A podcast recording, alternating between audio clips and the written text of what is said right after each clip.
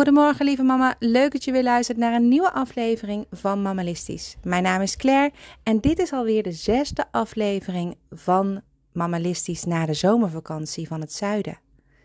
En vandaag begint de dag in Nederland dat alles op kinderroutinegebied weer normaal is.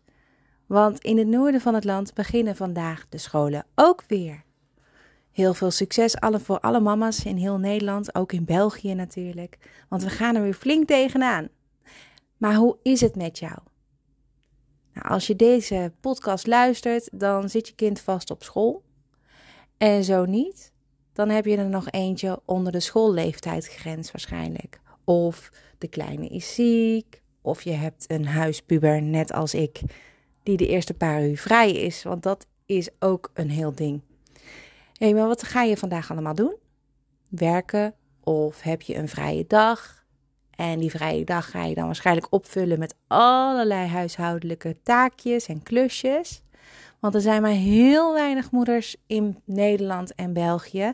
En ook verder buiten natuurlijk te vinden. Die lekker de hele dag gaan shoppen vandaag. Of nog beter, een lekker dagje spa geboekt hebben voor zichzelf. Of uitgebreid naar de kapper gaan. Nou, die heb je dan wel wat meer misschien. Maar hoe komt het toch dat wij ons dag in dag uit zo hard inzetten voor al die rust en structuur voor ons gezin, voor het hele gezin? Nou ja, eigenlijk is het antwoord heel simpel. Anders gebeurt het niet. Zo lijkt het. Maar zo is het misschien ook wel, want neem maar eens een dagje volledig rust. En dan zie je aan het einde van de dag het eindresultaat. En met rust bedoel ik dan alles laten liggen behalve je kinderen. en want ja, je hebt dan gewoon chaos thuis. En wat doet dat dan met jou? Want als het een enorme rommel om je heen is, dan word je onrustig. Al beweer je nog zo goed tegen rommel te kunnen, iedereen wordt onrustig in een rommelige omgeving. En dat is ook zo op je werk. Maar ook in je huiskamer, in je slaapkamer, in de badkamer, op de wc, noem maar op. En je kan dit heel goed uittesten door lekker te gaan zitten zonder ook maar iets op te ruimen in huis, midden in een heel rommelige kamer. En de vraag is dan voor jezelf hoe je je voelt. En als je alles dan vervolgens opruimt en gaat weer zitten, hoe voel je je dan?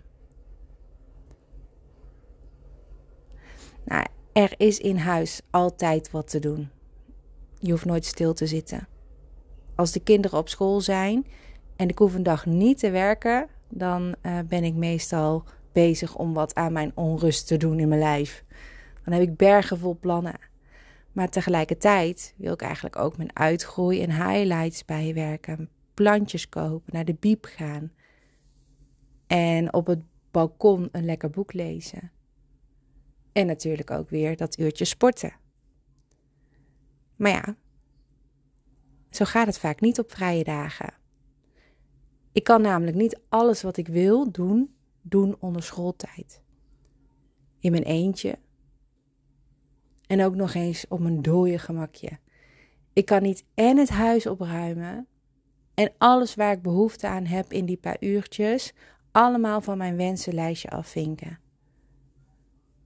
Want als je dan eindelijk die tijd hebt om aan jezelf te besteden, vliegt het voorbij door al die dingen die je voor anderen lijkt te doen.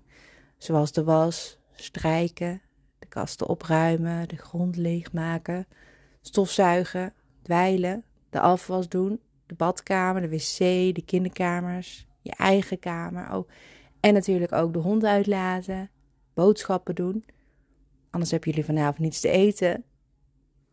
Het moet allemaal gebeuren en het liefst wil je dat allemaal doen zonder kinderen om je heen. Nou, en daarom heb ik vandaag deze tip voor je. Maak een schema voor jezelf. En ik begin altijd opnieuw na de zomervakantie. Opnieuw aan de doelen die ik voor mezelf heb gesteld, dingen die ik dit jaar wil bereiken. Ik begin ook opnieuw met werken aan mijn toekomst, met mammalistisch vaak maar ook gewoon andere dingen. Ik begin opnieuw in huis, maar ook opnieuw met structuur aanbrengen. Nou, daarom neem ik je deze week mee in alles wat ik regel voor mezelf, maar ook voor anderen. En vandaag maak ik dus een schema voor ja, het huishouden. Nou, heel vaak verdwijnen we moeders zodra de kinderen naar school gaan in schoonmaken. En voor je het weet ben je een uur met de keuken bezig, waar je eigenlijk maar een kwartiertje voor, tijd voor had. Dat is lastig, want als je aan het schoonmaken bent, dan uh, ben je lekker bezig en dan wil je dit nog even doen en dat nog even doen. En je wil gewoon ook elke dag een aantal dingen gedaan hebben. Dus de wc bijvoorbeeld, de badkamer droog en de keukennetjes. Nou, ik moet echt elke dag stofzuigen, want we hebben een hond en die verliest heel veel haren op één dag. Dus we hebben ook een regel schoenen uit als je binnenkomt. En dan hoef ik niet elke dag te dweilen, maar ja, wel eventjes die haren wegzuigen. En elke dag moet er van alles worden opgeruimd. En de tafel moet leeg en schoon. En na het avondeten wil ik graag natuurlijk dat die afwas in de vaatwasser staat, dat de vaatwasser weer wordt ingeruimd en dat de gootsteen zuiver is. En eigenlijk is dat het wel een beetje voor iedere dag. Nou ja, dan vergeet ik natuurlijk ook nog wel wat andere dingen, zoals bedden opmaken, dat soort dingen. Maar globaal. En wat ik elke week gedaan wil hebben, is bijvoorbeeld de was wegwerken. En ik wil elke week dat de meiden, of tenminste de jongste, want de oudste heeft geen speelgoed meer, maar de jongste wel, dat ze dat even uitzoekt. En dat ze het weer compleet maakt. En dat we samen de hokken van de dieren verschonen. We hebben een vis, we hebben een hamster en we hebben een konijn. En de kamers van de meiden moeten dan ook echt helemaal worden opgeruimd, omdat de hele week lang uh, kinderen kunnen langskomen. En die vette vingervlekken van de deur, weet je wel, die vlekjes die ze zo lekker maken als ze snel naar buiten gaan, die moeten ook weg. En elke week natuurlijk de bedden verschonen. Nou ja, ga zo maar door. Ik weet zeker dat jij op deze manier ook een lijst kan maken met dingen die je elke dag wil doen en een lijst met dingen die elke week moeten gebeuren. En je kan er ook een tussenstap bij zetten en dat is dan om de dag, want dat soort dingen heb je ook nog. Nou, als je dat hebt gedaan op een blaadje, dus gewoon een lijstje met elke dag, om de dag en elke week, dan kan je dat in Excel gaan zetten per ruimte.